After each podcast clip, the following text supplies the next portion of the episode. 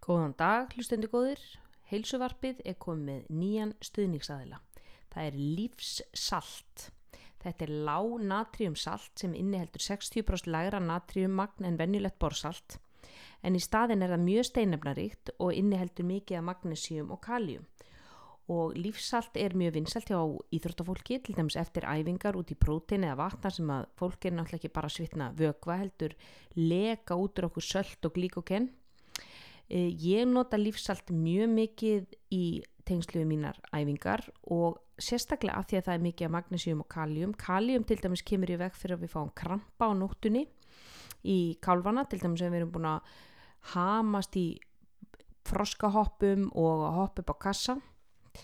Ég nota ymitt eh, lífsalt líka í allan bakstur út í gröti minn og allar uppskriftir og þar sem ég er saltari af Guðsnáð þegar kemur á matnum mínum þá spæn ég alveg upp heilu baugana. Þú finnur lífsalt á Instagram og Facebook undir Arctic Sea Minerals og heima síðan þeirra er einnig Arctic Sea Minerals. Þeir eru einnig komnir í flesta vestlanir á Íslandi, þannig ég mæli með því prófið. Þessi þáttur er einnig í bóði Ice Pharma eða Ná á Íslandi sem flytja inn hinnar frábæru appisínu guluvörur Ná. Nú allir vilja bæta útaldi sitt, hvort sem er í ræktinni eða bara í lífinu, líða vel og finna orkun að flæða um skrokkin án þess að vera að keira okkur upp af einhverju gerfi orku eins og koffinu og örfandi drikkjum. Um, en eitt er það sem finnst nefnilega í náttúrunu og keirir upp útaldið í mannslíkanum og það eru rauðrófur gömlu góðu rauðróðunar sem voru hér á borðum 1980 í, í góðum pækil frá Bouveis sem eru einmitt danst. Ég vil þess vegna mæla með rauðróðuduftinu frá ná en nýlega klínisk rannsók síndi að ein vika af uh, því að taka rauðrófuduft það bætti úthaldið eða það sem að kalla svona submaximal endurance sem og blóðþristing hjá eldriborgurum sem höfðu áður upplifað hjartaáfall.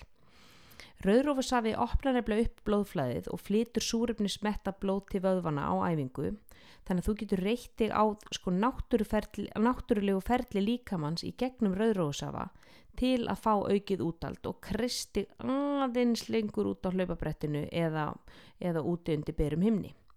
Nú margir eiga svona pína erfitt með bræðið af rauðrófum en ég blanda bara rauðrófi dufti sama við GóGó, GóGó-drikkin og ég nota Snow þennan í kvítudósunum og finnst þetta alveg gorgeous kombo.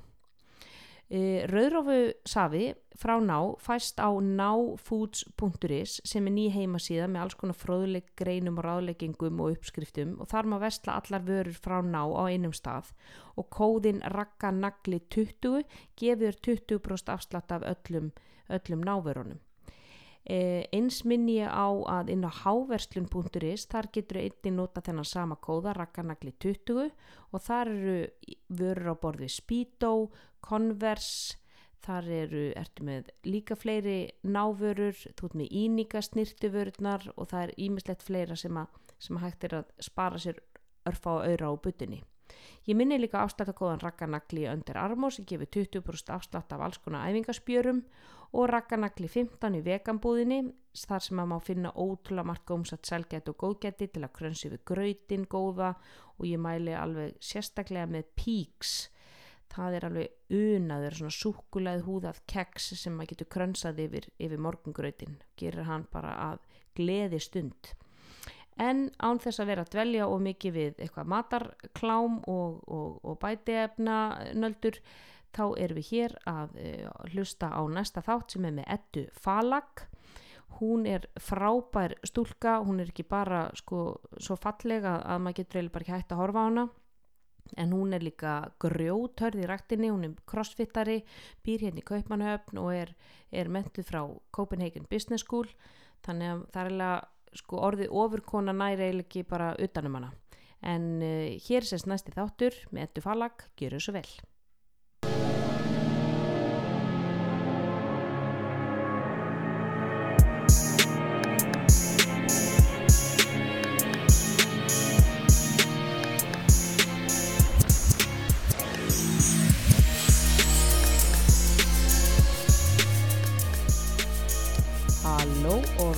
heilsuvarti hér er ég með eina grjótharða í viðtal.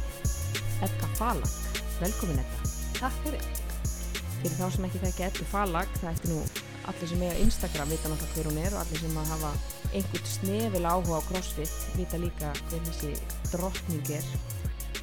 Og þó hún sé ekki dóttir þá er samt rosalegt dóttur gen í henni því að hún er hérna að riðja brautina í alls konar crossfit keppnum en Edda býr hér í Kaupmannöfn eins og ég þannig að það var hæg heimatökin að fá hana til að koma hérna og spjalla eins við okkur um crossfit e, Þú fluttir til Kaupmannöfnar 2016 byrjaði fljótlega að æfa eða ekki crossfit bara eftir þú komst Jú, ég byrjaði, ég kynntist CrossFit í rauninni bara þegar ég flutti til Köpen og byrjaði síðan desember 2016, janúar 2017. mm. Akkur byrjaði á crossfit? Áttur, ertu eitthvað bakurinn í íþróttum?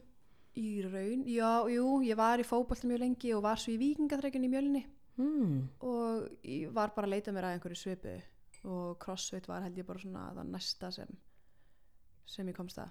Var það þá CrossFit Copenhagen sem þú fórst? Já? Já. það Já. var hann að hliðina sem ég bjó og ég prófaði einhvern veginn tíma og það var svona svipa ketilbjöllur og, og Mm uppbyggingar. Og þú varst bara húgt frá day, day one? Já, í rauninni, sko. Mm -hmm. Það var bara mjög þægilegt. Þú fóst bara í, í klukkutíma á efðir og Og máli dött, sko. já. Já. Það er náttúrulega góða við CrossFit. Þetta er, þetta er, eh, sko, þetta er svona, uh, þetta er vond í stuttan tíma. Mhm. maður, maður, þetta, er, þetta er há ákefð, þú ert að gefa mikið output, en þú ert að fá líka rosalega mikið tilbaka fyrir, fyrir stuttan tíma. Algjörlega, þú ert líka bara, þú kemur og þér er bara sagt hvað þú átt að gera. Já, þú ert ekkert að- hugsa. Nei, og þetta er náttúrulega miklu effektir að eldur en að eh, sko, slefa á einhverjum þrygstega bara í áttina að engu og horfa á málingu þotna sko í afleðingum já, já. en þannig að þú ert, þú ert 28 ára Já. og þú fluttir einhver útveginn sem varst ekki að fara í CBS jú, ég flutti hérna út uh, jú, til að taka master í, í CBS. já, sem er Copenhagen Business School sem fyrir þá sem ekki vita. Þá varstu með bachelor í viðskiptafræði frá Íslandi? HÍ, frá HÍ, já, já, ymmit og þú ert núna búin með CBS já, ég kláraði í fyrra. til fyrir. og ert að fara að vinna sem að, hvað, fjármálasviði hjá Nova Já, Nordisk Já, lifið fyrirtæki. það munar ekki um það, það er, og hvernig leggst það í þig Bara vel. Já. Komast í 8 til 4 rútínu.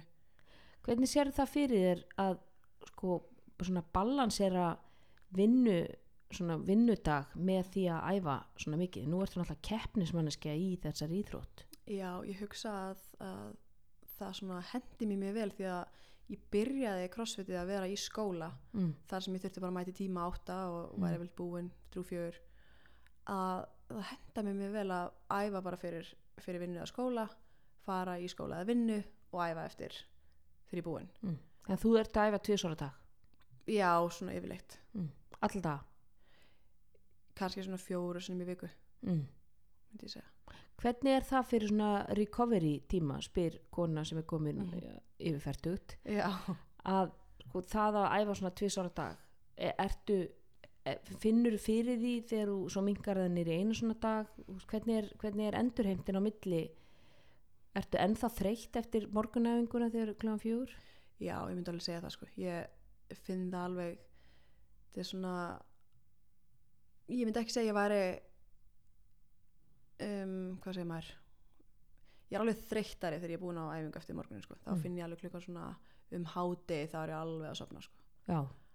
og, en samt einhvern veginn líður mér bara miklu betur á að ég held að sé bara að ég er búin að ákveða að fara og bara standa við það að ég, hafi farið mm læt mér bara líða einhvern veginn Hvern- betur hvernig er þetta innra sjálfstal með að mótivera þig þegar þú ert einmitt.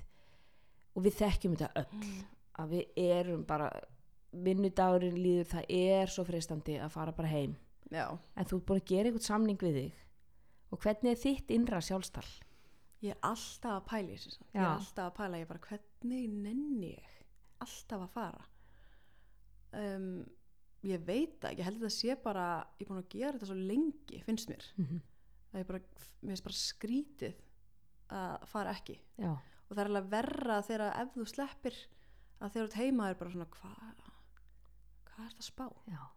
Ég segja stundum að sko sársökin við að fara er miklu minni heldur en samviskubitið já, sem nagar þið þjótt komin heim. Ég er sammála. Já, það er nefnilega þannig sko. Já, þannig ég, það var, ég var með alls konar svona life hacks þegar ég var að byrja svona um feta mín fyrstu spór og ég man, ég, ég var einmitt í þessum bakka sko sem maður var að fara til svona dag einhvern tíma, ég kefti nú einhvern tíma í fitness og einhverju og, og þá var sko, fór ég í fötin í vinnunni.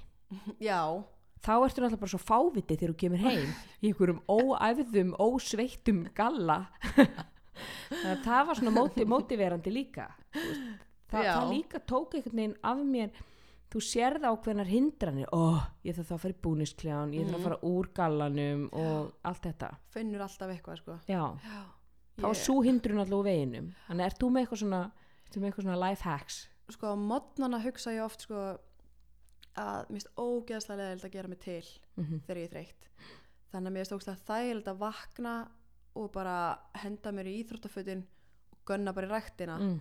Og gera mig til þegar ég er búin í ræktinni Mm. þá líður mér einhvern veginn bara svona meira þá ertu komið áttu á adrenalínu komið út komin á orðin já, það fersk já Mhm. bara fer í styrtu, Mm. gera mig til Mm. ógeðslega leðilegt að vakna sex, fara í styrtu já, mér finnst það bara alveg Já. hræðilegt sko alveg sammálaðir og eftir að maður er búin að æfa svona lengi og fer alltaf í sturtu eftir æfingu þá verður skrítið að fara í sturtu án þess að vera búin að æfa já, Þetta er ekki sammálaðir?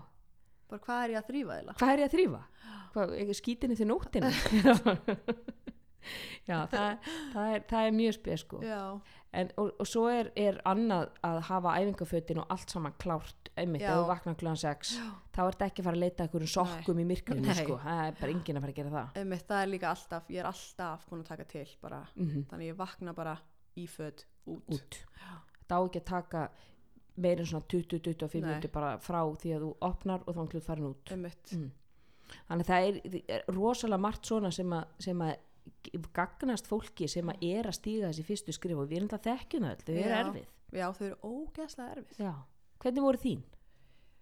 sko í mentaskóla og, svona, og í, í hérna, háskóla fannst mér bara þegar ég heyrði fólk vakna 5-6 ára fyrir ræktina þá var ég bara, Ertu á hæli? já, ég er ekki í læg og svo einhvern veginn bara kynntist ég einhvern veginn fólki hérna í köpinn sem var bara alltaf að gera þetta Mhm. og það var bara alltaf ekki að mæta kláðan 6 og maður er eitthvað svona, æ nei, og það var bara svona ok, Mhm. Hvað er að þér? já, hvað er að þér eiginlega Já. þannig ég svona fór einhvern veginn bara kíkja hlunga 6 svona með vinum og vinkonum og þá var ég bara svona, hvað það er geggja Það er svo ekki að æfa á matana já, mm og geggja að vera þessi típa svona, ég var alls ekki þessi típa fólk svona, hvenar, hérna, hvað gerðu þú? Já, ég vaknaði 6 og fyrir ræktina Já, bara svona í alvöru, já.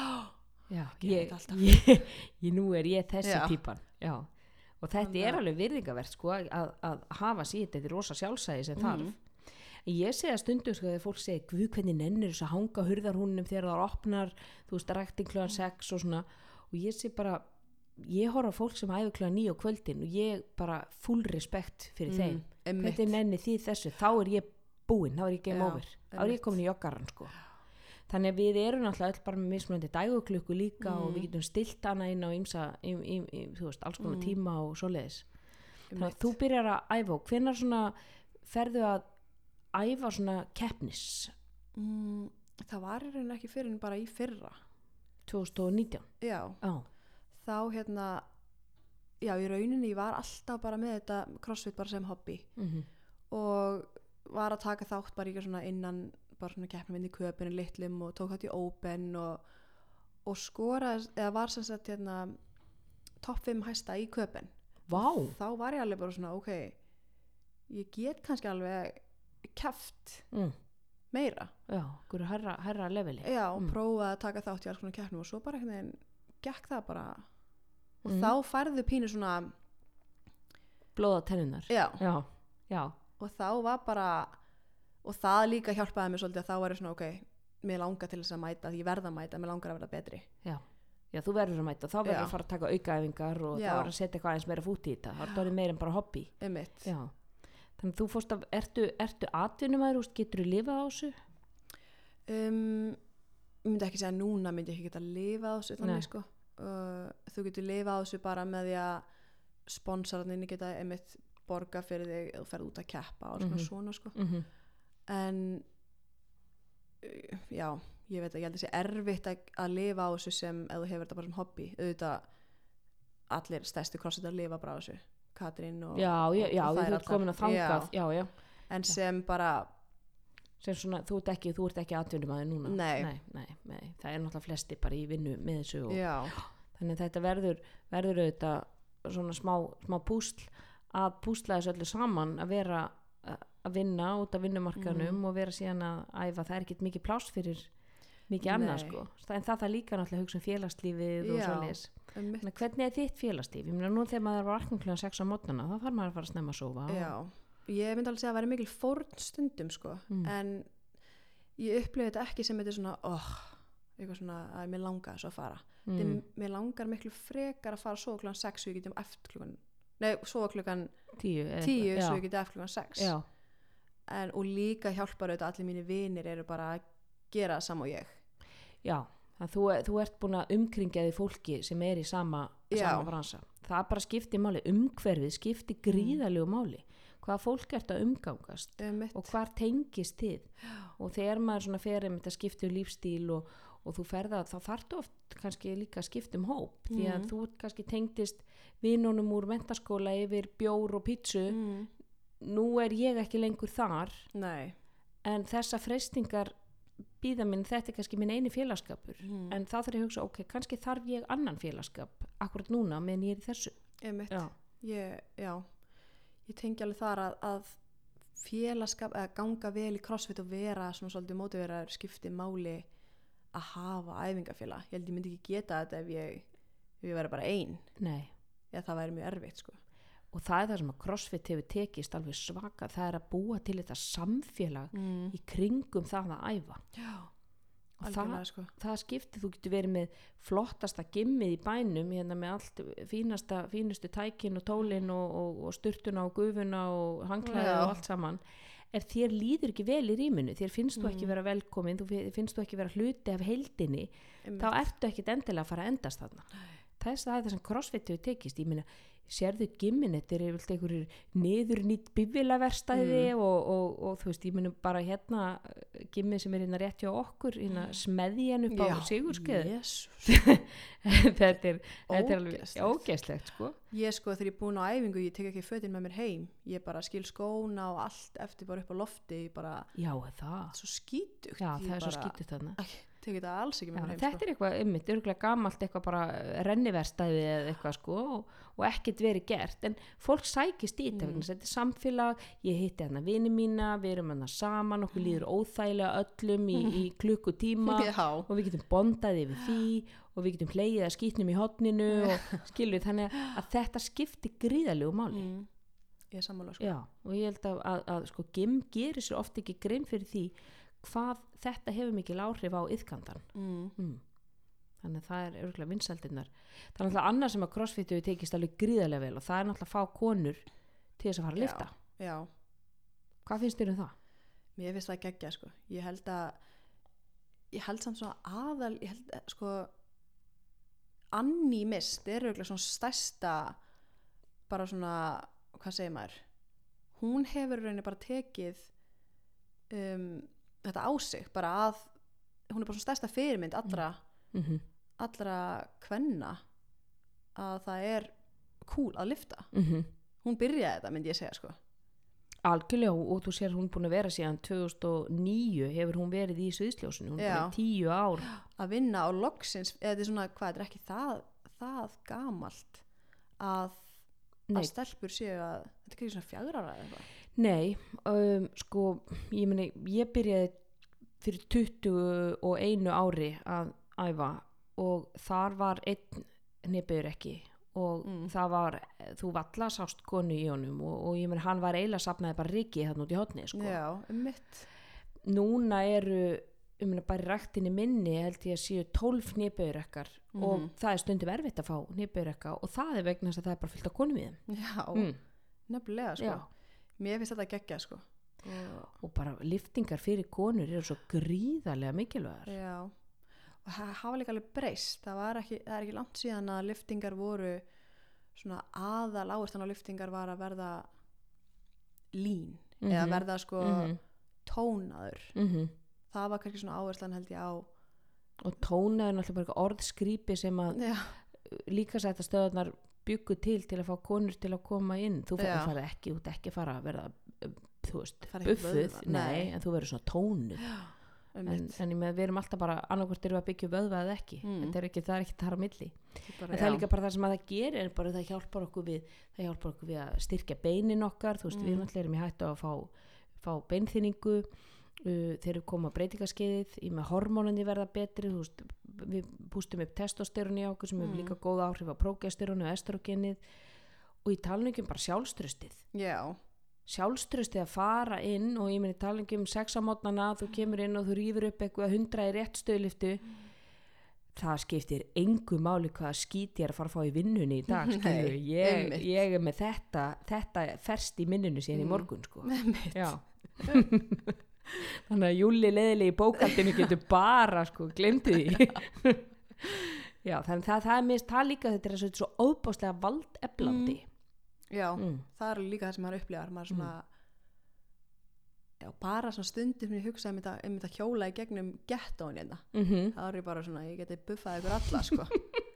Bara mér er alveg sama. Einmitt, bara bring it sko. Já. mm Auðvitað, og það er einmitt það, það, það, er, það, er líka, það er líka ákveðið sjálfströst mm. að finna það, ok, ef eitthvað kemur fyrir mig þá hef ég styrkin til þess að berjast á móti. Já, allavega held ég já, og ég mun örgulega að reyna það. Það já, er örgulega hvort sem að ég er eitthvað veruleika fyrt eða ekki en, en það skiptir ekki máli. Það er, mér finnst þetta að vera svona og, og, og líkamstaðan verður betri. Mm. það er bara allt sem að, að hérna, og svo náttúrulega grunnbrennslan. Keirir hana bara var alltaf hungraður alltaf. Mm ég held líka að hafa eitthvað með að gera að maður er alltaf hjólandi inn í köpun já, þegar maður er bara alltaf á fullu. rosalega vannmetinn reyfing já, já, virkilega. Maður fyrir á kaffihús og bara kannski búin að hjóla 5 km hvora leið bara hitt ykkur vinkonu sína bara 10 km vesku takk. Einmitt. já, og maður pælir í þessu þegar maður fer til Íslands og situr í bílnum fastur á, á Já. bústæðaveginum ég hugsaði þetta einmitt, ég var först í umferð í tvo tíma ég var bara að geðbilast. Já, tímasóunin Já. og allt saman og svo einmitt, væri ykkur á hjóli og hann bara þeysist fram hjá manni sko. Já. Mhm. þetta er geðveikt þetta er eitt vinna lífstil, danska lífstil sem ég kann rosa vel að mynda ég líka já, já. en segðu mér þú, þú ert sérst að æfa tvisar á dag Mhm. og hvað er, hvað er það stefna á núna? sko núna er ég að fara um, til London að keppa á sanctional eventi sem er svona um, hvað segir maður? Það þetta nýja regionals eða Jú. hvernig, já, þeir eru búin að breyta eitthvað reglunum. Já, þannig að það er ekki bara eitt regionals núna heldur þú getur farið á nokkur til þess að geta í rauninni kvalifað mm. á heimsleikana á heimsleikana, það er markmiðið náttúrulega. Það er stóra markmiðið, það er svona stóra markmaði, Já. svolítið langt í það sko en það? já, myndi segja það sko. En ég, þetta er allan að- ég sá þið nú á Butchers Lab Classics. Já. ég held að þú er ekki vannmynda sjálfa þig. Já, það var, það var reyndar geðvikt en hvernig reynsla var það? það var þannig mín fyrsta keppni Mhm. það var bara sturdlað Mm -hmm. það var svo geðvikt að enda á palli þið voru rosalega sko þetta var svo skemmtilegt Mhm. þar fekk ég bara svona þar var ég alveg bara svona hungry for more sko. mm. þá var ég bara, ég get ekki beðið eftir að fara og keppa og og gera meira og já maður bara djöblast í hvað þrjusunum á dag í einhverja tvo-þrjá daga mm þetta voru rosa og líka vottin voru þessi ógisli ormur hann sem Já. þetta verið að lifta algjör viðbjöður já, hann Mm. er algjör viðbjör mm. og þið þurftu líka að synda. Já, þurftum að synda. Mm. og þú er nú, sa- sagði mér nú eftir keppnina að þú væri nú ekkit rosalega vel synd. Ég syndi ekki sko. Þú syndi bara ekki? Ég bara veit ekki hvernig ég komst. Hvað syndi ég, 100 metra held ég. Nei, ég syndi 200 metra. Ok, og ég veit ekki hvernig það gerðist sko. Ég var bara þú varst eitthvað bara svamlaðir já, bara frá og A hundur til já, bara já. ekki draukna mm en, en þú lærið, þú lærið skólasund eða ekki jú, já, ég Það- fór hérna á einhverju, einhverju bringusundi þannig yfir þú fórst á bringusundinu Já.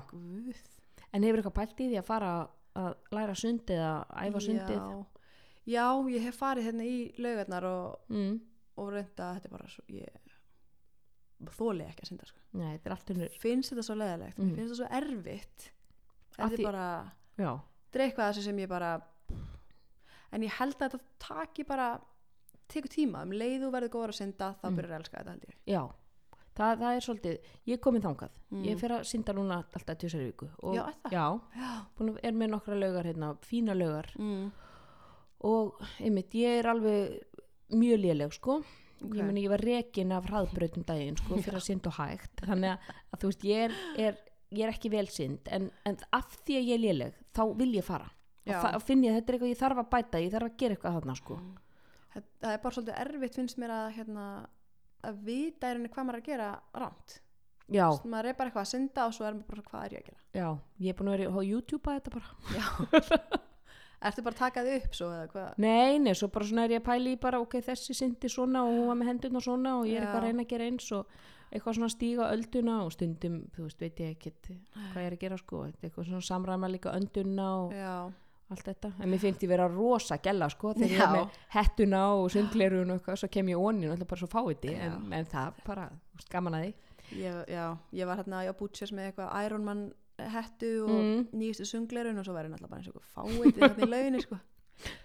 hausin upp úr eins og einhver amma í lögataslauginni já. þannig að þú, þú ert að þú æfir, æfir tvisar á dag hvernig eru æfingarna þínar? Hva, hvað gerur á mótnana, hvað gerur setjumpartin? Á mótnana teki yfirleitt einhvers konar kardió eða það er, já, einhver svona þórþjálfun já, já, það er þá hjóla eða hlaupa eða, já mm og yfirleitt er, með, er ég með einhver svona reglur þú tek, ferð ekki með púlsinn herra en 170 og, mm. og alls svona, þetta er rauninni bara eitthvað svona koma blóðflæðin í gang á mótnana mm -hmm. Yfirleitt, svo er ég að lifta á eftir skóla eða Já. eftir vinnu já, og eitthvað smá, einhverja æfingar veikleikar og, og svona, ég er með bara individually eða svona einstaklingsbundi program mm. sem var búið til fyrir mig Mm. ertu með þjálfara? já, Mm. hann, hérna, hann heitir Jack hann er frá JST sem er svona já, programming Mm. sem prógramera fyrir, fyrir crossfit kefndur já, mm og það hefur hendað mér bara mjög vel að, að, að þegar ég fer á æfingu þá veit ég að ég er að vinna að einhverju sem ég léli í -hmm. er þetta online þjálfun eða er, hefur hittan? já, ég hef hitt hann Mm. um, en já, yfirleitt er þetta bara Skype og, og já, og þú tekur því upp og, og sendir honum eða hvað? Mm þannig að hann skoðar myndböndin af þér já og, sér segir hvað þarf að, þarf að vinna í já. já. ertu svo með einhverja þjálfara hér sem að sko fylgjast með þér? Já, svo er ég bara partur af liði hérna í Kaupanöfn, Mm. hérna Team Norvest og þar er þjálfari sem líka svona hjálpar eða, já Mm. og hvernig skiptur þú, hvað liftur oft í viku? ég lifti rauninni bara á hverjum degi það er alltaf einhvers konar lifting, ja, liftingar og þá annarkvort er þetta einmitt eitthvað svona, hvað segir maður, svona bodybuilding Mm -hmm. það sem ert bara styrkja litli vöðana og allt svoleiðis eða þetta sé hérna ólimpískar Mhm. liftingar sem eru snörun og klín og djörg já, Mhm. það sem er meira kannski verið að einmitt, tækni og mm -hmm. frekar en styrkur já, já. þannig ekkert að, vera að vinna með mikla þingdir kannski nei, já ég er aldrei að, að vinna með bara það þingsta sem ég nei, það geta maksa þar nei. Hver, hvernig fannst þér að byrja að æfa olimpískar? mér fannst það eiginlega bara skemmtilega sko. ég held Mhm. líka því þar að því að ég hérna, hef alltaf verið bara frá því ég var lítil mjög sterk þannig að þar svona fann ég svona að hér liggja einhverju styrkleikar og þá fannst mér þetta verða skemmtilega heldur en að Mm. allt annað sem ég var að gera Mm -hmm. en já líka bara mikið sem þú ert að pæli allt, þú getur alltaf bætt þig Mm svona svona -hmm. getur ekkert bætt, jújú jú, burpees og allt þetta, þú veist mér það bara það leiðilegt. Já, burpees. Bara döiði, bara svo sem fann upp þá hann hataði gleðina sko. Það var soltbækið en það er ót já, já, já, sko ekki ræða Jésús en, en sko það að þetta er svo einfalt að standa upp þess að leggjast niður og standa upp og kannski hoppa í restina mm. hvað það getur verið mikill viðbjóður eftir svona tíu svoleiði skipti Þetta, ég, ég er alltaf að pæla í þessu þegar ég gerir burpee hvernig getur verið svona erfitt að leggjast í gólfið og standa aftur upp? Það, þetta er, eins, þetta er einf, svo einföld uh, mannleg reyfing en, en já. En sko, eins og segir það er svo auðvelt að bæta sig og það er það sem að mér er svo skemmtilegt við liftingar Mm. og olimpískar og allt sem að tengist þessu er að sko, hversu mikið getur bætt þig í að vera á þrekstiga einmitt, það er einmitt Já, þannig að þú veist, það er líka þetta sko, ég fer hann inn og ég er að æfa mig að gera Mhm. eitthvað. Ég er að verða betri, pínu lítið betri en ég ger, þannig ég er kannski að hoppa upp á kassa og ég er orðin svona nokkuð örug með þessa hæð. Mhm. ég ætla að prófa að bæta við bara einni lítilli lóðaplötu. Já, þannig ég bara hoppa pínu lítið hærra en bara það sem ég er örug en þá verður allt í einu sko það að hoppa á fyrri hæðina bara eitthvað djók. Mm. og þá finnur okkur ég er alltaf að ég er alltaf að bæta mig, ég er alltaf eitthvað pínu lítið betri en ég gær Mm. og það er líka svo rosalega hvetjandi já, það er allavega það sem svona hillaði mig mest við crossfit mm. svo alveg, svo skil ég það samt alveg líka þegar fólk hefur bara önnu markmið að það bara vill bara einmitt fara á stegavélina kannski í vörklass og vinna því bara að reyfa sig eða Já. eitthvað svoleiðis og ekkert að því að vera á stigavélinni Nei. en, en, en þegar það er orðið svona engöngu hún já, það er svona hent, það svona einmitt, myndi ekki að henda mér. Nei. ég myndi alveg fá leið á því sko. Varst þú einhvern tíman í þeim pakka?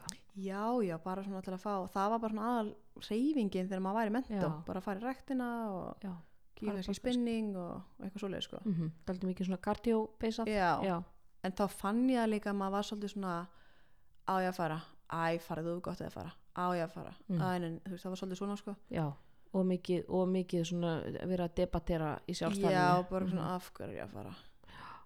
Ég er að bara aðeins nýtt minna. já, þú veist. Já, en einmitt, talandi um það, hvernig er mataræðið þitt? það er svona aðeins eftir jólin aðeins búið að uh, fara í smá uh, klessu. En Nei, nei. smá svona. Er ekki bara nöðsilegt aðeins að hlaða batteríinu um jólin? Jú, jú, algjörlega sko. mm. meira svona ég held, þegar ég æfi aðeins minna þá byrja maður bara svona að borða minna Mm. og já, borða hvað segir maður, svona óreglulega og svona, Mm. þá finn ég að ég svona ég funkar ekki vel þannig sko Nei, það er nefnilega góða við það líka þegar maður finnur ok, mataræði mitt kannski sem finnst það eitthvað hvað óalega ert þú alltaf að borða holt og Mm. finnst það vera svona stíft og, og svona þá, þá finnur, en maður finnur það sjálfur þetta er það sem að gefa mér orku mér Já. líður miklu betur þegar að mataræði mitt ég er að borða ákveðin mat, ég er ákveðin rútínu með Mm. mataræði mitt, þá bara sef ég betur ég fungera betur veist, ég er betri æfingu, ég er bara betri manneskja, Mm. mér líður betur já, ég er alveg sammála og ég held að líka sé svona þótt að mataræði mitt sé ekki það besta kannski eða fullkomið eitthvað svoleiðis en þá líður mér ef ég plana það sjálf þá líður mér eins og ég hafi miklu meiri stjórn mm og þá bara, þá funkar ég bara betur -hmm. þótt að þótt að ég kannski ekki einmitt, þótt að sé ekki endilega það besta En- eða, en, en sko, er eitthvað mataræði sem er fullkomið? nei, nákvæmlega, svo er það líka Mm. En uh, hvað ertu búin að finna, hvað hendar þér? Því þetta er náttúrulega trial and error, hvaða mataræði hendar mér? einmitt og ég er alltaf að vinna ég er alltaf að reyna að finna hvort ég geti bætt eitthvað eða að ég, það sem henda mér bara best er eitthvað sem er bara simpul ég, það er bara alltaf basic bara, bara hafrargrautur og, og ávöxtur á mótnana. Mm og já fyrir líka eftir hvernig ég æfi og allt svoleið sko. -hmm. en já, Hvað ertu að borða til þess marga máltíðir á dag? ekki margar rauninni sko. Uh, ég er að borða kannski morgumat, hátegismat og kvöldmat Já, þannig að þú ert í rauninni bara svona þremur stórum góðum máltíðum á dag. já, og svo já, svo er ég kannski með eitthvað svona já, ég borða reynda alveg svona ávöxt og græmmet eitthvað svona milli Mm Kannski eitthvað aðeins fyrir æfingu og já, já. netur og alls konar svona eitthvað Mm. Þannig að þegar þú ert búin á æfingu þá ferðu bara heim og beint og ferðu bara góðan kvöldmatt. já, ég Já. er alltaf með eitthvað svona eftir æfingu og teki mér alltaf eitthvað svona auka karbs og, og Mm kolvetni og prótein eitthvað í brúsa og drekk það sko -hmm. Og svo fer ég bara heim og fæ mér að borða. Já. Og þetta er bara rannsóknir sína það að þetta er sko, þetta sexinum á dag pínulítla máltíðir já, sem áttu að sko að passa upp á grunnbrennsluna hún myndi ekki rinja og þetta myndi auka við grunnbrennsluna því að þú mm, sko brennir með með um eldi mat. Bara rannsóknir hafi ekki getað sínt fram á þetta. Nei.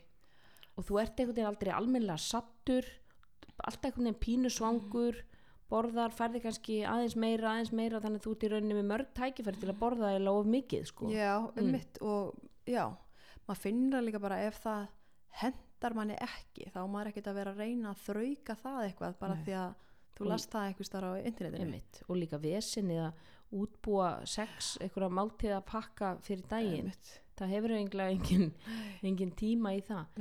Pluss það að sko, þú þart í rauninni svona yfir 400 kaloríur til þess að mægin fara að senda út signal um leptín sem er settuhormónið. Já, þannig að það sé sko komið allavega 400 já, ok. kaloríur onni, onni mallan sko. Já, þannig ég, er, ég reyna alltaf með alla mínu skjólstæðinga bara 3-4 máltíður og dag er bara, bara fínt sko. Já, hættu um þessu endalega snartli sko. Þú þarft ekki að geta klukkt um fresti sko. Nei það er maður þarf þess að ekki Nei, þannig að pæli bara líka í forferum okkar menn þeir borðuðu bara hipsum haps og hér og þar Já. þegar þeir höfðu mat sko við erum með nógan lager sko mm. Einmitt, ég held að sé, já, ég hef heyrt marga sem sp- spyrja mig hvernig, hvað borðar marga máltir og hvað líður langt á milli og alls konar svona Mhm. og fólk byrjar alltaf að tala um sko blóðsykurinn Mhm. að það verði að borða til þess að halda Mhm. það, ég, það hefur engin áhrif á mig í rauninni sko, Nei, ég finn ekki fyrir að, að, að ég sé einhverju ójafvegi með, bl- nei, Með nei. og hann þá er bara er ekki rétt samsettar ef að blóðsykurinn þín er að falla á sko einhverjum 3-4 tímum á milli máltíða þá, þá er eitthvað að sko í máltíðinni sjálfri sem þú varst að borða. Já, mm. það, já það er miklu frekar það sko. En þannig að þú borða bara svona góða máltíður kannski hátteginu og, og leifir henni svona aðeins að, að meltast og, og svo ferðu á æfingu bara hann að setja partinn. Ég borða í rauninni ég borða já ég myndi segja ef ég fyrir á æfingu 6 sko þá borða ég mitt morgumat eftir eftir æfingu og svo borða ég oft klukkan 10 eitthvað. Mm, eitthvað sem ég er með veist Mhm. hvort það sé eitthvað banani og mm eitthvað. Og Mhm. svo borða ég hátegismat -hmm. já, þannig að þú já, þú ert orðin svona komin góða þrjár máltíðir í því fyrir, fyrir æfingu Fyr- og já. setja partinn mm já, og það er bara nöðsilegt fyrir, fyrir svona, svona átök. Já rauninni og ef ég er svo er það náttúrulega bara, mismunandi eftir dögum líka hversu songu maður er og Mm. hvernig ef, þú veist, ef ég, ef ég hefði sofið eitthvað illa eða eitthvað svolítið þá er ég oft songari og, og alls konar sko. Að, að þá borða ég bara. Þegar ég er ekkert að halda eitthvað, ef ég er svöng þá er ég ekkert að þrauka fram á hádegi eitthvað svolítið sko, nei, þá bara borða ég. Og það er einmitt svefleysi eh, sko að missa bara, bara þó að skilja með tveir tímar af svefni mm. þá fer, það hefur það áhrif á sko svengdar og settuhormón hjá okkur. Algjörlega Já. sko. Og ég hef talað um þetta í podcasti um svefnin þar sem að sko leptín hjá okkur sem er settuhormónið það fyrir niður þegar við erum vansvefta. Þannig að við getum borða og borða við verðum aldrei almennilega sött. Já, ég finn það sko. Já, og grelín sem er svengdarhormónið það fyrir upp. Þannig að við erum svöng allan daginn. Já, og við erum alltaf einhvern veginn að borða en verðum einhvern veginn aldrei almennilega sött og við erum byrjum tómur ugli þannig að prímer og númer og uno sko. Mm. takið svefnin ykkar já. alvarlega á, það er það sem skiptir mér mest um recovery bara um eitt hvað mér langar í að borða og allt þetta Mm. það, ég fókusur bara á að svefnur er það mikilvægast það sem Já. ég, ferða svo klæðan tíu kvöldin ég reyni það sko hvernig er svefnrútína þín? um, yfirleitt er ég komin bara upp í rúm fyrir tíu Mm. og vakna svona rétt fyrir sex Mm. Hvað ert að gera svona síðustu tvo tíma fyrir svefn til þess að undibúa því fyrir svefnin? um, oft sko oft er ég nú bara að horfa, þætti eða eitthvað sko Mm -hmm. og ég er alltaf að segja við sjálfum mig bara ekki ljós, ekki hérna tölvu eða síma Mhm, eða fyrir svefn og mhm. ég veit að hefur áhrif og allt það sko en það er svona erfitt að, að fylgja því sko Já, það hefur nefnilega ekki ég veit að maður á maður sefur örgulega betur en ég hef ekki haft sko það er ekki vandamál fyrir maður að sopna eftir að vera búin að vera í símanum. eða vera í Mm. töl, eða tölvunni ég reyndar, það eina sem ég ger er ekki ég ligg ekki upp í rúmi og er að skrolla Nei, það Nei. er bara nei. number one það sem ég ger ekki sko Þannig að símin er komin á flugvélamóti eitthvað Já, áður fyrir henni í rúm. já. Það er rosalega góð regla. já, Mm -hmm. Maður getur, ég hef oft leiðið upp í rúmi, ég veit ekki hvað tvo klukkutíma meira og bara vera eitthvað að skrolla, Já, halda augunum opnum eitthvað já. Og þá ertu að gefa sk- líkamann skilabóðum heyri það er ennþá dagur. mm. Því að bláa byrtan, hann skilur hann ekki sko. og svo ertu bara að hugsa og hugsa og hugsa hugsa getur ekki hægt að hugsa og Nei. getur ekki sopnað og... og það er sko talað um að sjómarpi sé miklu betri bæðið að betri byrta hún er ekki sko eins opaslega skær og blá fyrir augunum okkur og við erum líka passív að meðan við erum að horfa. Já, við erum að það er eitthvað þáttur í gangi og við erum bara, við erum, við erum í rauninni bara neytendur, við erum bara sjúga þetta í okkur. Versus það að vera með síman og ég tala ekki um að fara inn á Instagram eða Facebook og eitthvað, þá erum við orðin aktív í haustnum því að við erum að við byrjum strax að bera okkur saman mm. Já skoða eitthvað, það vekur eitthvað býtu hvað þau bara í fríi, bara nóga Mm. penningum já, hún bara svona góðu formi já, þú veist, þannig að við erum strax fann í neikvæða gýrin neikvæðar hugsanir þannig að við erum fann að vekja upp eitthvað kvíða sem að síðan skila henni sín í svefni mm. mm.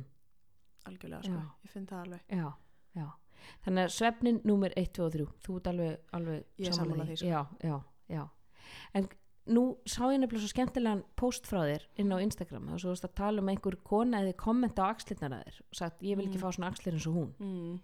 mér finnst það rosalega góður póstur hjá þér já, og svo segir sko þetta er akkur það sem að drífur konur út í ádraskanir og útlýstýrkun og allt þetta já, sko. já.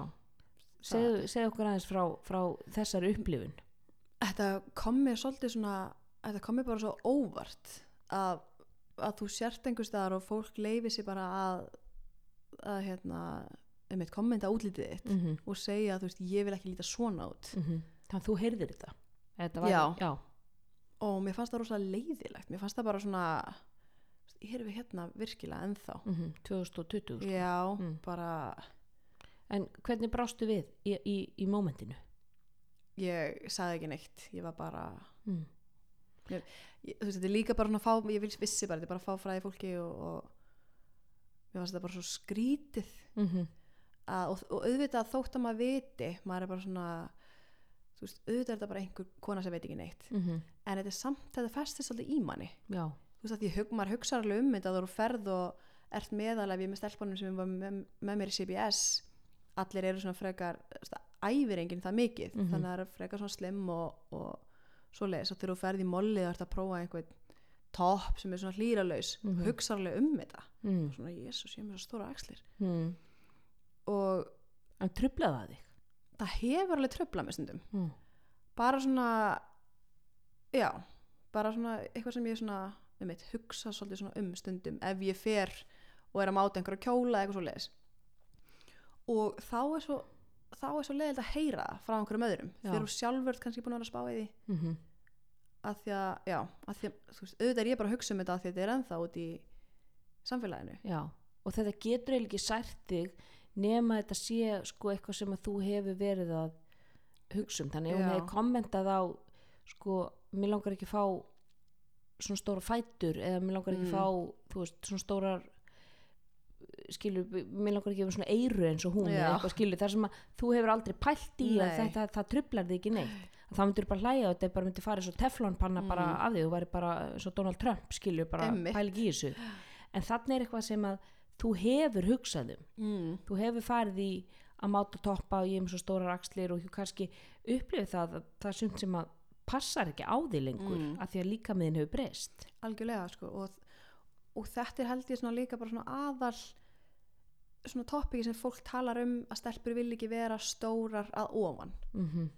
Það er, þú veist, sem ég bara í tísku að vera með stóra rass og stór læri og eitthvað Mhm. svona. Mm en svo viltu helst vera með mjótt mitti og stór brjóst og, litla rakslir já, já, og mér finnst það alveg vera ennþá. Svona að skróla niður Instagram. Já það sé ennþá, ennþá, ennþá svolítið trendið. Já, já. þannig að en síðan viltu eiginlega alltaf eins og sko ég er svona freka grannvaksin og ofan og ég er alltaf að vinna í þessum öxlum og baki og, Mm. og þá sko ég horfa á axlir þegar ég sé konur þannig að ég Mm. horfa á axlina þínar og ég er með axla öfund þannig að maður vill það sem maður hefur ekki oft, oft á tíðum en svo er líka hvernig er samfélagið að móta til dæmis og þessi kona sem kemur inn hún er nýgræðingur, hún er Mm. ekki, hún er ekki verið í crossfit nei þannig hún er ekki búin að hún, henn, það er ekki búin að normalisera þetta útlit fyrir henni. Nei, og það er náttúrulega fyrir þig að lappa inn á skemmtistað í lýraból með þú færður örugglega ennþá veist 350 komment vegna þess að þar ertu innan um fólk sem er ekki vant Já. að sjá konu sem lítur svona út. Og það er það sem mér finnst alveg stundum óþægilegt að þótt að fólk sé að hrósa og einhverju strákar koma upp á og segja "Vá, hvað, Mhm. hvað, í hvað íþrótt er þú? Eitthvað Mhm. svona og snerta mann og eitthvað svona. Er bara óþægilegt. Mm því að þú veist, sérstaklega að það er líka að þannig upplýði ég þetta því ég er ekki endilega að vinna, ég var ekki að vinna í því að fá stóra rækslir en eitt svo leiðis að svona er ég bara af því að ég af því að þú æfið þessa íþrótt. Já, mm. þannig að það er stundum bara leiðilegt að fá komment út á það. Já, já og það er sama með uh, sko allir sem brjóta einhvern veginn normin og, og, og þú stundar ákveðna íþrótt og líka með hann tekur á sig bara þá mynd sem hann þarf mm. til þess að þú getur lift þessum þingdum fyrir ofan haus, ég menn þá Já. þarftu þessar rakslir já, og ég menn ef þú værir kúluvarpari eða sleggjukastari skilu þá, þá lítur öðru í sút og þú Mm. með stærri hendur og allt þetta en það er þetta að leifa sér að, að sem að jafnvel sko ófríska konur upplifa líka það er þetta að vera að leifa sér að snerta og Já. kommenta og, og, og alltaf með ummitt, fína bumbu og hún er nú ekkert svo stór eða rosalegt með stóra bumbu eða stórt og svo Mm. er verið að pota í þig og, og þetta er þú það að vera að fara við mörkiðin já, algjörlega og það er alltaf þetta sko að ef þú ef þú ert að einmitt, ef þú ert í hlý- hlýraból eða ert í íþróttapa það sem er svo leiðilt er fólk er alltaf svona að ef maður er eitthvað svona pínlítið öðru í sig að það er alltaf að vera ásaka um að vera að sína sig alltaf þetta mm. þú veist, þú og ert einhvers það meðal fólk sem er ekki í íþróttum þá, þá farið kommentu dagslitna einar og þá viltu helst vera að hilja þær Mm -hmm. fara í ræktina, þú ert kannski í íþróttopp og þar líður mér bara vel Mm -hmm. af því að það er allir svona þá ertu að sína þig eða Mm. mér finnst einhvern veginn bara allt svona Þetta er svona þú getur aldrei unnið. nei, Nei. Nei. það er svona stundum hefur verið að posta á Instagram bara það er alltaf læg að þú veist, posta þig bara mynda þér á, bikini og, Mm og þarf enginn að vera pælinett meir í því nei, nei, nei, nei. Og, og það skiptir heldur ekki máli hvernig þú lítur út, sko. nei, hvað á ekki skiptum máli Nei. Hvort þú sért með eh, ykkur auka kíló eða þú ert, eh, þú ert með slítinn maga eða hvað sem er. Bara að, að þú ert nógu góð já, eins og þú ert núna. Og það er þessi skilabóð, sko, þú, þú þarft alltaf að vera í ykkur fyrir og eftirmyndum og ég var betri þarna og, en þú varst ekkert betri manneskja. nei. Þú veist, þó að það misti eitthvað kíló. Það er ekkert eitthvað mesta afreki í lífinu sko að missa kíló. Já, þannig já ég, þetta, þetta, er, þetta er alveg alveg, alveg með ástæða rosa góðu póstur og hann, hann kom svona uh, ég held að marga konur taki þetta til sín sem að mm. þetta er það sem að svona hvetur til þessar útlistýrkunar og, og hvetur konur áfram í það eiga bara óheilbyrðu sambandi við bæði mat og æfingar Mm. það fara að æfa jafnvel óhóflega mikið og þær fara að- að borða minna vegna þess að einhver segir, segir eitthvað Mm. mm. svo finnst mér líka sko ef þegar maður póstar einhver svona þú veist einmitt þegar ég póstaði þessum pósti þá er, þá er maður annarkvort þú þá er líka verið að ásaka mann um að já hún er svo með svo mikla útlistyrk og, og hún Mm. þú veist maður er einhvern veginn ég veit stundum ekki hvað ég get fundið bara svona bara svona balans einhvern veginn. Ég bara, elskar mig fyrir ekki inn að balans á Instagram. Nei, Nei, það er, það, það er, það er ormapittur af, af ljótum kommentum og já, já, það, Það er- maður að vera með þykkan skráp þetta er alveg mm endalegu sparátta bara, Já, en það er spurning vill maður taka þessa baróttu? já, einmitt, svo er það Hvaða barótta skiptir máli? mm. Mm. mér finnst alveg sko mér finnst að hérna já, mér finnst auðveldara fyrir sjálfa mig ef ég posta myndum ef ég er að posta mikið af myndum að mér þar sem ég er á bikinium eða íþróttatoppum Mhm. eða eitthvað svo leiðis Mm að þegar aðrar stelpur posta myndum að sér á bikinium þá yfirleitt hugsa ég bara of, alltaf veila vá, bara, Respekt. Já, Já, flott hjá henni. Já, já. Og það er þetta líka að finna sér knúin til þess að ég er með skoðun á þér mm. og ég þarf að láta henni ljós. Mm og þetta er alveg aðgerð. Ég, ég hugsa, býtu, hún er ábyggilega sækist eftir aðtigli ég ætla að láta hann að vita af því Mm. hún sé að sækist eftir aðtigli þá veltum maður fyrir sig hvers konar manni skert þú? Eh, að þú setja að gefa þig tíma í það að posta neikvæðu kommenti inn á Instagram við einhvern sem þú er aldrei hitt í lífanda Mm. lífi. Ert þú þá þessi manneski sem ég nenn að taka baráttuna við? Mér mér fannst, mér finnst mikilvægt líka að maður að taka alltaf því burtu að ef þú posta myndir að myndir maður sem eru einhvers konar já, það sem þú ert ber þannig Mhm. séð mm -hmm. að takir þetta í burtu að þau þurfa alltaf að vera að að manneskjan sé einhver útlitsdyrkandi Mhm. eða mm -hmm. eitthvað eitthvað svoleiðis mm það er svo orðið svo þreytt það er orðið mjög þreytt, mjög þreytt argument og, og, og yfirleitt er þetta bara náttúrulega bara refleksjón á, á eitthvað innra sálarlíf hjá þeim sem kommenta Já. að hann á erfitt og þá svona, já, á ekki bara að hafa samúð með honum. Já, já, greið mm, já, já, þannig já, Instagram er, er erfiður vegur til að feta en ég menn þú hefur notað sko samfélagsmiðla til að koma þér mikið á framfæri og þú erum með hellinga Mhm. fylgjendum og þannig að það er náttúrulega jákvæða hlýðar á því líka. Já, alveg. Mér Mm. er gaman þegar hérna, fólk opnar stundu bara svona aðeins augun sko og opnar bara aðeins hugan mm bara það er ekki allt svart og hvít sko og það, Nei, og þú ert líka mikil kvartning þar fyrir konur til þess að byrja liftin svo talar um annými stáðan mm. Það náttúrulega hefur hjálpað henni gríðarlega að vera með sinn samfélagsmiðlareikning og Katrín Tanja Mm. og allar þessar stelpur ég minn tala um þú veist, allar hina líka ég minn það sem hafa verið, hafa verið að keppa ég minn að hún Samantha Briggs og, og allar þessar sem að eru með sem að fylgir Sara Sigmunds Mm. Og ég minn ég sitt stundum hérna kljóðan 5.45 á klóstun að pissa og, og skrolla í gegnum og sé þær vera að æfa og Mm. þig og þá bara já, heyrðu, þetta, þú veist já, ég ætla nú ætla ég að drífa mig, þetta Einmitt. er kvartning já sjá annað fólk bara í daglegu lífi mm. sveitt að æfa einhvers þær ykkur gimmi út í heimi Já, þetta er nefnilega mér finnst gott að nota ég fylgi til dæmis bara fólki sem ég fæ einhvers konar bara gott væp frá sko. mm ég, hvernig feedback fær þú á, á þitt Instagram? Þú þeir posta til dæmis æfingum og svona. Þegar ég posta æfingum? Já, yfirleitt er bara fólk er rosalega dugult að rósa og, Mm. og svoleiði sko. Og já, ég myndi segja að ég fæ miklu miklu fleiri rós og falleg komment heldur en heldur en hitt. En mér finnst Mm. mjög gaman að sína mm þegar fólk er að senda einhvern viðbjóð sko. Já, já, en yfirleitt bara góð viðbröð sko já þú svona you call them out þegar, já, bara Mm. svona þú veist hvað er í gangi hér? Já, það er líka alltaf að vekja aðteglaði já, en jú, auðvitað, þú veist maður, ég er yfirleitt ég skoða allir með ekki hverju skoða stórið mitt eða hversu mörg um, ég skoða ekkert hverju læka hver, ekkert svona sko. Nei einmitt, og en það myndi alltaf mikil tími og orka að fara í það. já, bara ég nenni Já. ekki nei, en já, yfirleitt, ég myndi bara segja ég nota þetta yfirleitt þetta vel, veldur mér ekki kvíða eða, Nei. eða neitt svo leis nei, nei. Og þess vegna er ég líka ennþá á Instagram. Já, einmitt.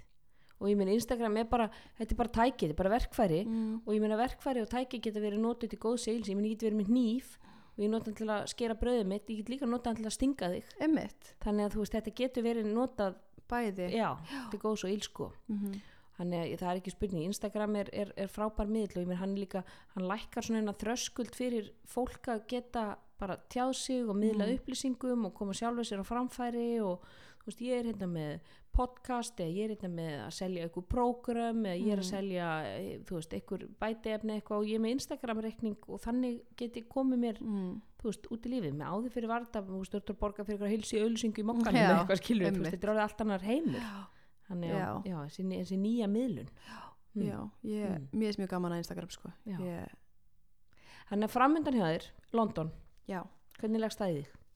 Bara vel ég, svolítið, ég finn það alveg svolítið núna að ég er, er alveg þreytt eftir bara síðasta síst bara hvað ég var að keppa að í Augusta Butcher svo fór Mm. ég að gera qualifier fyrir aðra keppni sem ég tók þetta í november og, og keppti svo í Open og keppti svo á þess, þessu regionals móti í Mm. november Mm. Hvar, hvar var það mót? í Dublin Já, var það að í Já. 150? Já. Já, þú varst á því. Já. Hvernig var svo upplifun?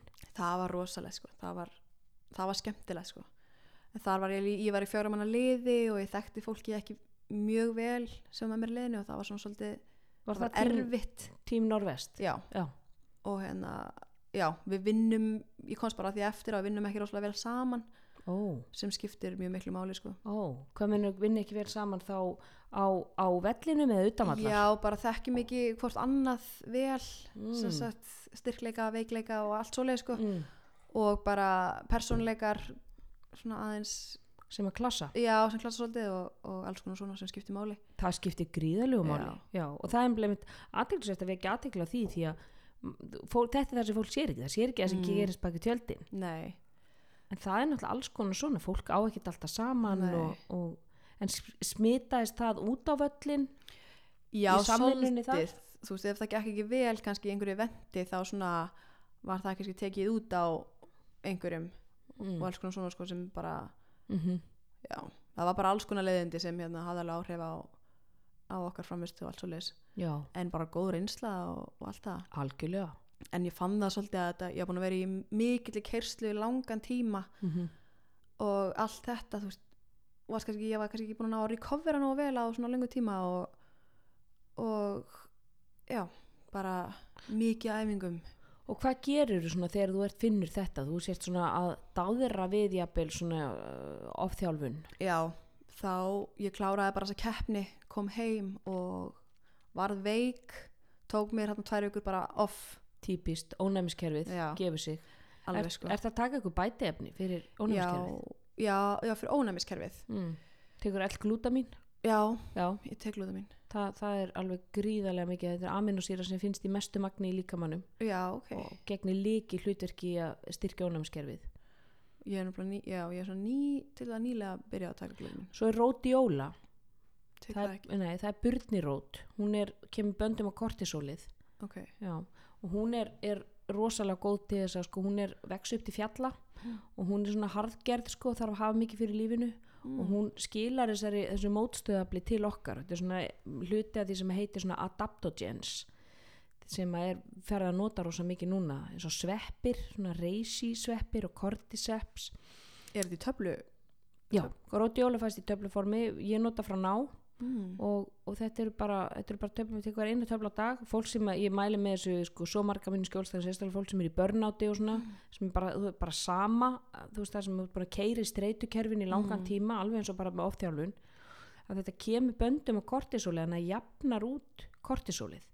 Þannig ef þú ert með of hátt kortisól þá lækkar það, ef þú ert með of lágt þá hækkar það, ef þú ert með bara kortisóli í lægi þá gerist ekki neitt Mm. þannig að þú getur aldrei, það er aldrei, þetta er aldrei að hafa faraninn áhrif á Nei, þig nei. að- mm.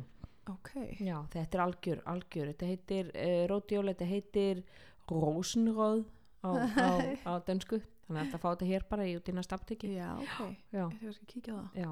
Þannig að, já, þá ég myndi endilega eh, fyrir, fyrir ónæmiskeru. Þú varst að segja, þú, þú, þú svona fannst á, varst orðin veik þegar þú komst tilbaka. já, ég var bara, var freka veik sko Mm. og hérna og tók mér bara tvær vikur off Mm. og alls konar þú finnur það úr stóran þreyttur líkamannum bara í, heit, í joints og allt Já, liðamótunum, liðamótunum já. og allt þetta sko og tók mér bara og líka bara mo- motivationið og allt svoleið sem bara Mhm. uh, sem nennuð sig lengur Nei. og já, tók mér bara tvær vikur off Bara, eh, æfði bara ekki neitt. nei, jú, eitthvað var eitthvað bara hjóla og eitthvað Mm. kannski svona tvisur viku Mm. og síðan bara, einmitt, var ég náttúrulega búin að kvalifæða fyrir þetta mót sem ég er að fara í januar Mm. þannig ég vissi að ég þurfti að bara koma mér aðeins í gang Já, og já, bara ég er ennþá alveg alveg þreytt sko og er að æfa minna já, þú ert að æfa minna að þú varst í. já, Já. bara að koma úr æfingabúðum núna og já, Hvernig lítið út að æfa minna þegar maður er samt að æfa tvisar á dag? já einmitt, ég hérna þá bara Æfur stýttra í hvert skipti eða... nei, rauninni bara lækka þessi intensityið Mm. þannig að Mm passa að púlsinn sé ekki að fara ég er ekki að maksa púlsinn, ég kannski Mm. bara halda hann um 160-170 Já. og ef ég, ef ég er ekki búin ef ég næði ekki að sofa 8 pluss tíma þá fer ég ekki að morgunæfingu Já, ok. og alls konar svona sem ég bara svona Já, og já, og kannski þannig að þú, þú, þú forgangsar svefninum fram yfir æfingu. já, Mhm. já, já sérstaklega þegar ég er á bara á tímbiliða sem maður er bara þreyttur Já, og já, setni partinn er líka bara þá er ég bara að gera sem ég finnst skemmtilegt mm sleppi ég bara því sem er prógramið finnst leðilegt mm. og alls konar svona bara til þess að fá hausinn líka í gang aftur algjörlega. Og þetta er svona eitt sem, sem að mér er mikilvægt sem að svona, e, að, það er oft talað um svona borða eftir eðliskvöld, svona intuitive eating. mm. En ég segi líka að við erum líka sko æfastundum eftir eðliskvöldinu. Já. Því að við, við erum kannski með eitthvað sem stendur okkur í prógrami en í dag, ég meni þetta var streytudagur í vinnunni eða Já. ég svaf í nótt eða ég er með nýtt batn eða það er mikið að gera í, veist, í vinnunni eða mamma er veik eða eitthvað að þú kemur inn í ræktinu þú ert bara eins og tuska sko. Þú finnur það ég er ekkert að fara að maksa neina backpressu eða fara að taka neitt klín í dag sko. Nei, þannig að hlusta það bara líka þú, þú, þú, þú ferð á staðinu, heldur upp í vananum taktu bara hálftíma og, Mm. og þú veist, taktu kannski bara léttari lóði út vanur prófa að vinna kannski bara í meiri mobility eða Mhm. já, æ, hvað var ég í stuði fyrir ég væri alveg í stuði fyrir svona hnépegu bara með léttar þingdir, ég ætla að æfa dýftina hjá mér í dag eða, þú veist, komdu inn og æfðu því einhverju Já. Mm. Ég, Það er líka sem þjálfari minn var að segja, við erum með, þú veist, þú æfir þig og kannski heldur þig við prógramið, styrta prógramið, þú þarft að styrka því. Mm -hmm, og svo þarft ekki að gera æfinguna sem er á prógraminu, gerði bara sem þið er skemmtilegt. mm Alls konar svona sem að bara svona, já, ok. að því að sko þú fer að tengja neikvæða tilfinningar Já. við þetta rými. Þegar þetta er alltaf bara eitthvað ströggl og, og, og, og, barningur og þið líður illa og, og, þú veist, og þá fer motivationi þá, þá er stutt í að maður hætti þessu bara. Já, og bara, maður bara börnu út, sko. Já, og þetta er það sem að gerist einmitt börnátti, þetta er náttúrulega rosalega high intensity æfingar og miðtöðakerfið okkur það bara þólir þetta ekki í Nei. langan tíma og, og að gera sko oft í viku svona mjög, mjög hárri ákjöfð Mm. það kemur að því að bara það fer að koma bara svona ruggla á sko bóðefnin á kortisóli og, og adrenalíni það fyrir að vera alltaf hátt á kvöldin þegar það á að vera lágt og við fyrir að sofa illa og við fyrir ekki að losa út melatonin sem er svefnormoni það er bara svo margt sem að þetta hefur áhrif á. Já, mér finnst bara maður, maður dettur oft í það að vera að hugsa sko, herru, ég er bara auðvitað mætur á morgunæðingu, auðvitað mætur mm. setni part bara, en svo verður maður líka það sem ég er að reyna að hætta að vera svona hörð við sjálfa mig og segja bara, þið langar ekki að fara á morgunæðingu þá ferðu bara ekki á morgunæðingu mm -hmm. Það, bara, það er allt í læ það gerist ekkit það sko. gerist ekki neitt. He- heimur er hér heldur áfram að snúast sko. og það er dagur á morgun.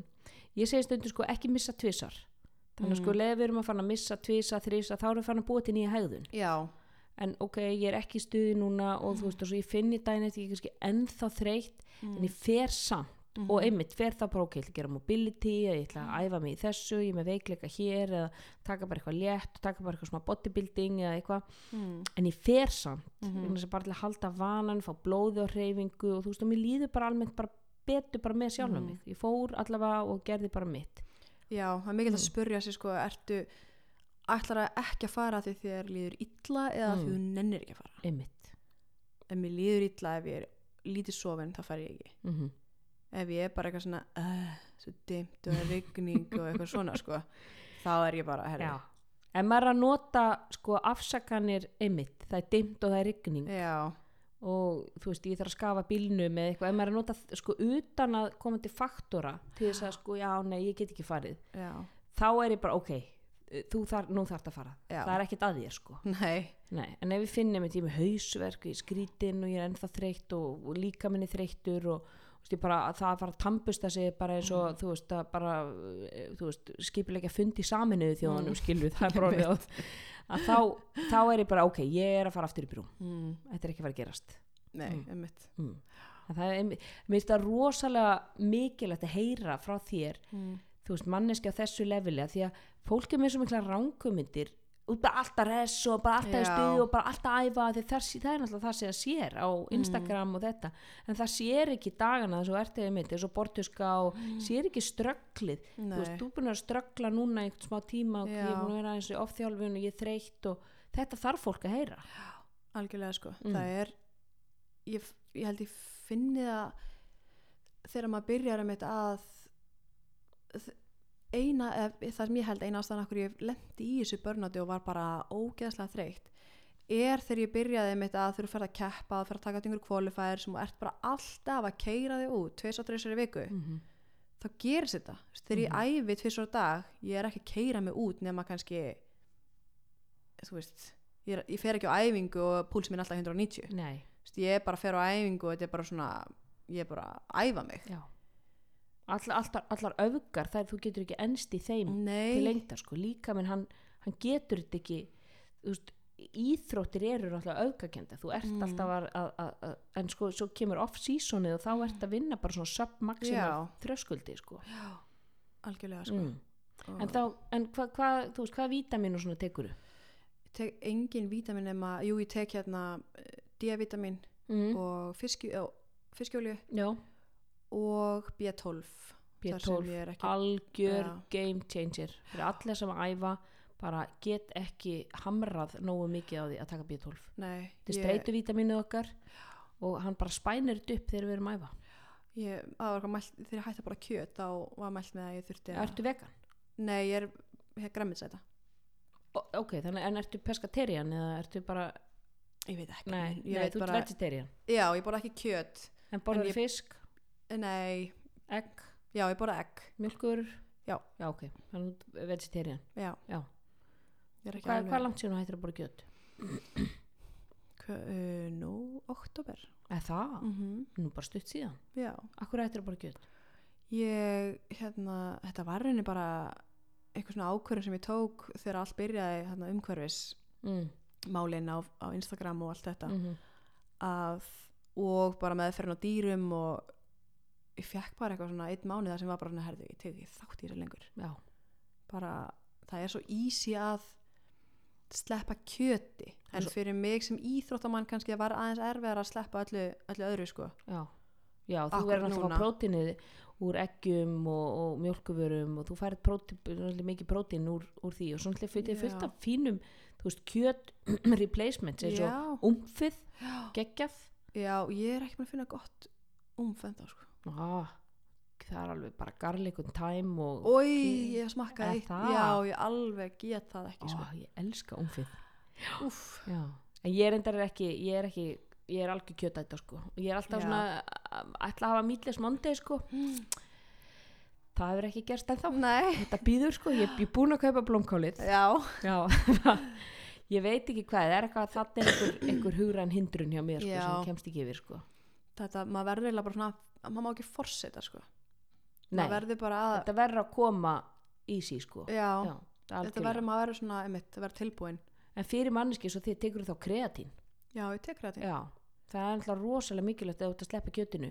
Það? Já, og sérstaklega bara líka hugræna virkni, þetta sem fyrir bæði gerir rannsóknir að því við græmitsætur og vegan, að hugræn virkni verður meiri þegar þið taka kreatín aukalega. Já, Svo ok tala nú ekki um fyrir bara, þú veist, alla kjötbyggingu og, og, og Já, maður finnur rosa mun sko. já, ok. Mm. Ég, Að- byggja vöðva og, og kreist út eitt reps í viðbót og aðeins meira, meira power. Já, já.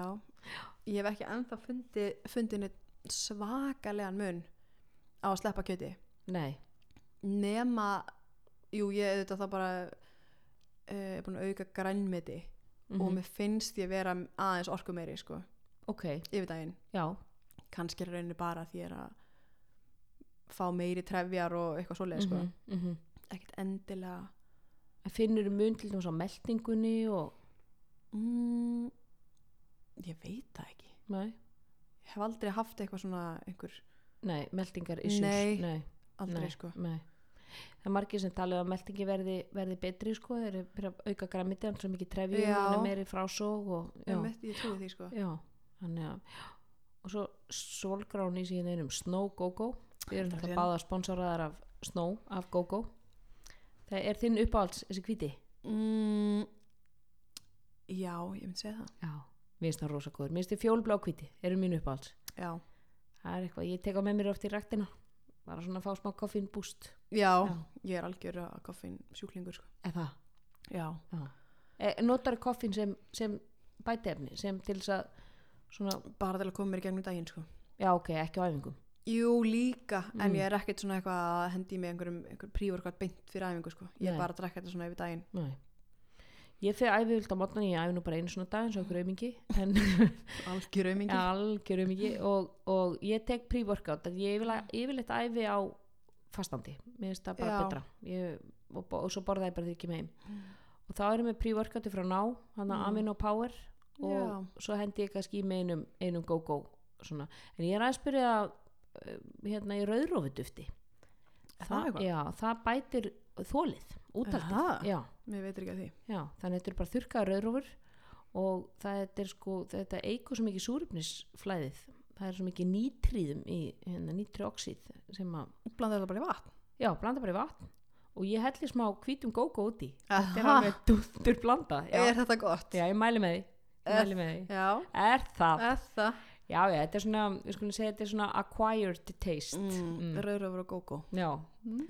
en þetta, þetta ég finn mikið mun á þólinu Í alveg? já, ég er búin að nota nú í nokkra mánuði og ég get alveg sagt að það, þetta, er, þetta hefur áhrif Ma, Ok. maður endist aðeins lengur ég bara Já, ætla að prófa þetta. tjekka á þessu já, þetta er búið frábært að fá þig Takk fyrir. Það er þú búið ert gaman að bara ótrúlega opinn og hugrökk og einlæg og það er svo hérna, gott að hafa svona fyrirmyndir eins og þig þannig úti Takk fyrir. já. þannig að fyrir ykkur hlustandi góður ég vonið að hafa haft eh, gagn og gaman að hlusta á hana ettu auðsa úr bæði viskubrunni sínum og eins bara miðla af, af eigin reynstu um, fyrir að hlusta á hilsurætti og þáttina.